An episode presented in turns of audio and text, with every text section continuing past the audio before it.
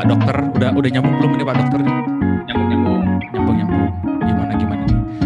Ibu Stella perwakilan perwakilan umat seluruh Jadi, manusia. Aku mewak- uh, aku sebagai ibu negara para netizen Indonesia yang mendapatkan privilege untuk berkontak langsung dengan Pak Dokter pribadi ini dan Pak Pak Haryadi menyampaikan uh, pertanyaan-pertanyaan netizen. Nah, gitu nih. Nah, pertanyaannya apa nih? Ini ini ini mumpung Pak Ah. Dokter lagi konsultasi via Zoom ini, via Zoom. Oke, aku mau tanya nih, kenapa kalau misalnya jadi gini kan kalau di Instagramku gitu, eh, kebanyakan tuh curhatnya surat-surat galau, Pak. Nah, kemarin tuh aku baca artikel kayak gini, apakah ini hoax atau enggak? Coba itu dijawab. Kalau misalkan orang sakit hati, itu beneran bisa jadi penyakit beneran. Jadi kalau orang galau, itu beneran patah hati gitu, bisa ujungnya tuh jadi sakit beneran gitu. Itu beneran nggak sih? Maksudnya kan itu cuma perasaan doang, kenapa terus malah jadi ada yang kayak jadi depresi, terus jadi apa, jadi apa tuh sebenarnya gimana tuh? Itu mereka yang drama lebay atau gimana? Oke. Bener nih. Soalnya sakit Ini- hati nggak ditanggung BPJS, Pak. Ah, ada loh sakit hati yang ditanggung BPJS. Oh, lift. Oh iya kan? ya. jadi, jadi ada namanya penyakit takut subuh kardiomiopati. Nah mungkin nggak pernah dengar ya. Tapi kalau begitu, begitu sekarang dengar ini, coba search nanti di internet. Ada Hmm. namanya broken heart disease. Oke. oke. Serius? Serius. Jadi What? itu Oke. ditemuin pertama tuh eh pada orang-orang ya usia ya cewek-cewek gitu ya udah tua. Ya sebutnya widow widow itu ketika dia terima telepon bahwa oh eh, suami anda di medan perang meninggal. Nah nggak Hmm. taunya tuh mereka tuh jadi kena sakit jantung. Nah kebayang nggak? Tiba-tiba kena sakit jantung keluar gejala semua gagal jantung. Nah jadi pompa jantungnya tiba-tiba turun. Nah itu tuh kondisi jantungnya kalau dilihat ya pakai pemeriksaan itu dia seperti takot subo. Takot subo tuh dia kayak perangkap eh, gurita. Jadi ngeblendung gitu kayak Heeh. balon di ujungnya, tapi nggak mempak. Nah, itu Oh. salah satu bentuk yang betul-betul real. Kalau misalnya kita sakit hati, itu bisa berdampak pada salah satu organ tubuh kita. Dan itu jantung salah satunya. Oh, dan dan itu orang yang kenal sih si si para para janda-janda korban perang ini itu dia sama sekali nggak punya riwayat sakit jantung atau apa nggak punya. Bersih, clear, bukan koroner. Jadi kalau diperiksa tuh koronernya normal. Tapi tiba-tiba kondisinya gagal jantung.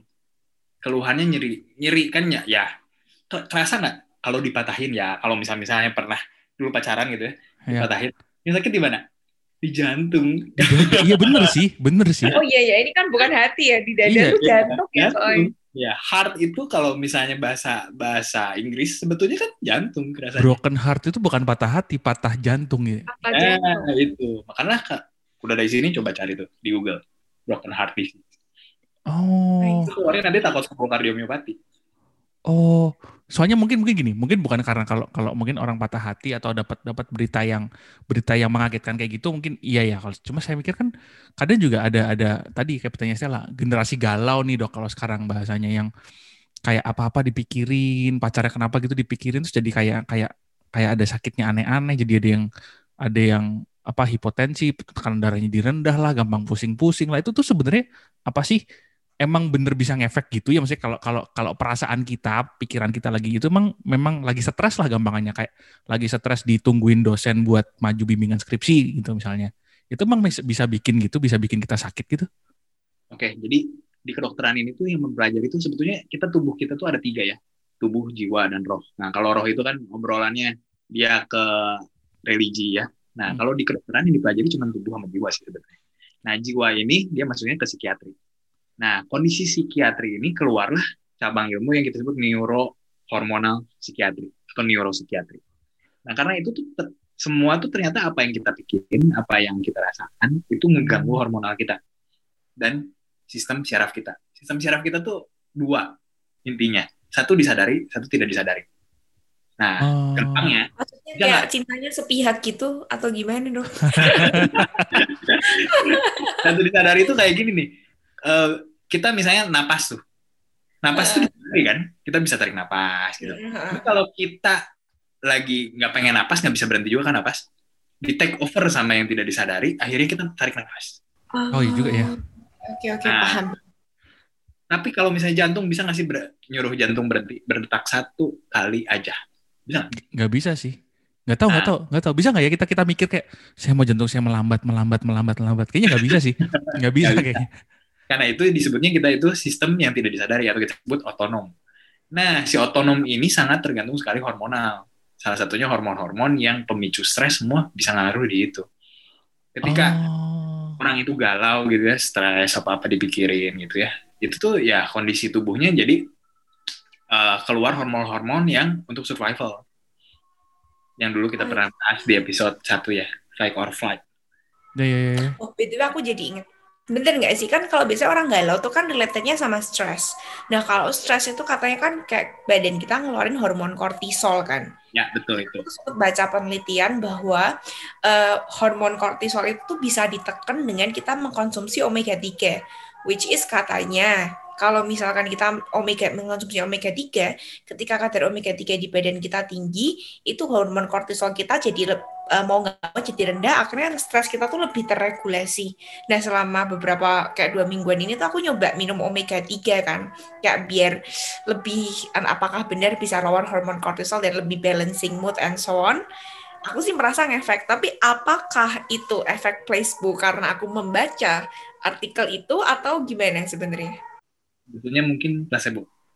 Sayang Oh sekali. iya, Uh. Jangan ya sebut merek. mahal kali Ja- omega 3 dem. Jangan sebut merek, jangan sebut merek. Gak jadi disponsorin ntar. Ya, Oh, iya, iya, iya. omega 3 itu eh, dia ngaruhnya di jalur lipid, jalur lemak sebetulnya. Memang salah satu eh, jalur untuk merubah hormon kortisol itu ada di jalur lemak, bahan bakunya lemak. Tetapi Ah. tidak secara langsung. Kalau gitu ya, gampangnya nih, orang-orang stres yang misalnya kadarnya eh, kortisolnya tinggi, seperti itu, obatnya omega 3 dong. Enggak kan ternyata. Obat Oh, antidepresan. oh, Nah. maka, makanya orang patah ci- pat- putus putus cinta biasanya makan es krim jadi enak atau kita lagi kepikiran bikin makan es krim jadi enak mungkin tuh apa mungkin tuh ngefek nggak nggak juga kali ya? Nah, itu ngefek salah satunya. Oh, Kenapa orang lagi stres, lagi depresi, dikasih es krim baikan? Kenapa? manis, terus dingin. Jadi kalau orang depresi itu serotoninnya turun. Dalam Heeh, tubuh. heeh. Heeh. Salah satu sumber serotonin terkuat adalah karbohidrat, simplex. Jadi Jadi kalau- sederhana berarti. Ya, dikasih es krim, ya, suruh makan. Oh, kalau orang kalau orang Indonesia bukan es krim, Pak. Saya tahu, Pak. Kalau orang lagi galau, lagi stres, lagi deg-degan, lagi itu yang manis. teh manis anget. Nah, Oh ya itu berarti juga bener loh kalau gitu. Gitu. Jadi kalau kalau orang depresi dikasih antidepresan itu eh, SSRI obatnya namanya tuh, supaya serotoninnya tinggi. oh. Es krim, es krim, es krim. RI Indonesia. Selective serotonin receptor inhibitor. Oh, gitu. Jadi jadi mungkin omega 3 tadi membantu, tapi mungkin kayak di kasusnya Stella tadi kebanyakan mungkin gara-gara memang ada efek pemikiran, oh saya udah minum omega 3, saya pasti akan tidak stres. Minum omega 3 lagi, saya pasti tidak akan stres gitu. Nah, iya. Aku ini kita aku juga tanya nih, ini efek placebo nggak? Kalau misalkan tapi aku tidak minum omega 3 ya, aku tuh lebih bisa deep sleep. Aku nggak ngerti apakah yang bikin aku lebih balance moodnya karena bisa deep sleep atau gimana? Omega 3 itu ya bagus sih sebetulnya. Kita tuh tidak bisa mendapatkan omega 3 kalau misalnya kita eh sorry omega 3 itu tidak bisa dihasilkan oleh tubuh kita sendiri. Jadi kita harus dapat dari luar dari asupan. Dan omega 3 itu bagus sih. Dia Hmm. kan terdiri dari uh, DHA dan EPA dia nurunin uh, faktor resiko serangan jantung dan lain-lain.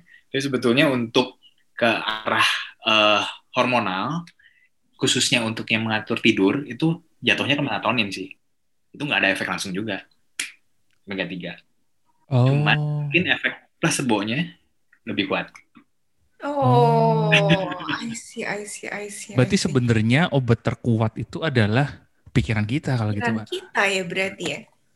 Terus buat apa bayar dokter dong?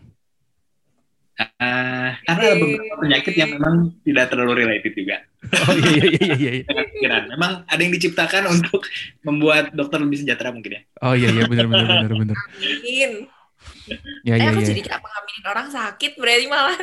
Ya jangan nih, bukan bukan gitu. Maksudnya memang kalau kalau memang punya gejala yang butuh ke profesional ya ke profesional. Tapi kalau Oh iya, Tadi- iya bener-bener. kalau mikirnya gara-gara putus cinta atau habis dimarahin bosnya di kantor atau habis habis Makan eh, es krim ya. Heeh, makan es krim aja atau habis ngutangin orang tapi yang ngutangin lebih galak kayak gitu. Jangan jangan jadi pikiran lah istilahnya. Gitu. Nah itu, Iya. stres itu memang yang gak enak banget sih. Buat tubuh kita jelek banget. Eh, tapi kalau misalkan kayak gitu ya, misalkan kalau setiap kali orang ada yang galau atau putus cinta terus diarahkan untuk eh, makan karbohidrat simplek, aku pernah dengar itu kayak bakal Jangan jadi nanti gendut lagi. Nanti diabetes. kebiasaan. Iya, katanya gitu kayak jadi kayak di alam bawah sadar ini kayak terlatih bahwa ketika lu galau eh, cari makanan yang kayak apa ya kayak boosting your mood gitu loh. Jadi kayak terus dependent ke ini. Ya, nanti dia sugar rush. Eh, sorry. Sugar rush. Jadi, Eh, maksudnya Jadi ketergantungan sama sugar sugar untuk untuk balikin moodnya itu berarti Pak ya. Uh, uh, jadi malah nanti obesitas yang lain-lain. Sebetulnya ya intinya eh itu tuh kadang-kadang ya orang awam tuh sulit membedakan antara depresi, stres dan ansietas. terus gimana Pak membedakannya? Nih, gampangnya ya. Kalau stres, stres tuh aduh kita ter- ada ada suatu kerjaan nih nggak beres. Itu tuh membuat kita jadi eh ada urge untuk menyelesaikan itu cepet-cepet. Kalau nggak itu cepet-cepet diselesaikan, kita tuh jadi kepikiran terus sama itu. Itu Itu stres. Oh, itu stres. Oke. Nah, kalau depresi keluhannya tuh jadi energi kita tuh turun, nggak pengen makan, hilang mood lah. Kayak Oh. kayak kelinci energizer, energizernya udah hilang, Oh, baterainya. itu depres. udah depres. Kalau anxiety, kecemasan, Nah, kelinci yang pakai tadi baterai energizer, sorry sebut merek, Hah? itu kelebihan pak wattnya. Jadi wah kerja terus apa? Dia cemas, mau dipikirin, overthinking, terus dia Oh. kayak nggak bisa diem, restless. oh. Tapi berarti kalau gitu orang tuh meng- mengalaminya nggak mungkin cuma satu doang dong. Biasanya kan itu kayak sequence itu nggak sih? Kayak kadang ngerasain yang ini, ganti yang ini, ganti yang itu gitu. Nah, bisa bisa gabung-gabung. Gitu. Dan Hmm. obatnya pun kalau secara psikiatri jadi beda. Hmm, kalau orang yang karena anxiety karena karena kebanyakan energi ini energinya diturunin supaya dia lebih tenang. Tapi kalau Ya. orang yang depresi ini berusaha yang bikin dia bisa gampang cenderung tidur, kasihnya benzodiazepin. Kasihnya Oh. alprazolam seperti itu. Lebih tenang. kalau orang yang depresi gimana caranya dia bisa kembali untuk untuk bisa energize lagi istilahnya gitu. Nah, dikasihnya serotonin. Oh. Hormon cinta dong. Berarti kalau gitu kalau yang depresi obatnya cukup Cinta. mencari cinta yang baru. Nah, Nah, bener ini ini ini ini ini ini yang paling bener ya bener bener bener. Jadi kalau buat yang putus cinta sekarang lagi stres, lagi lemes, saya banding enak-enak, caranya gimana? Ya udah cari yang baru selesai. Nah, ya benar. Nah, Oke oke. Oke karena udah selesai ya udah deh deh semua. Baik, Thank you ya. See you in the next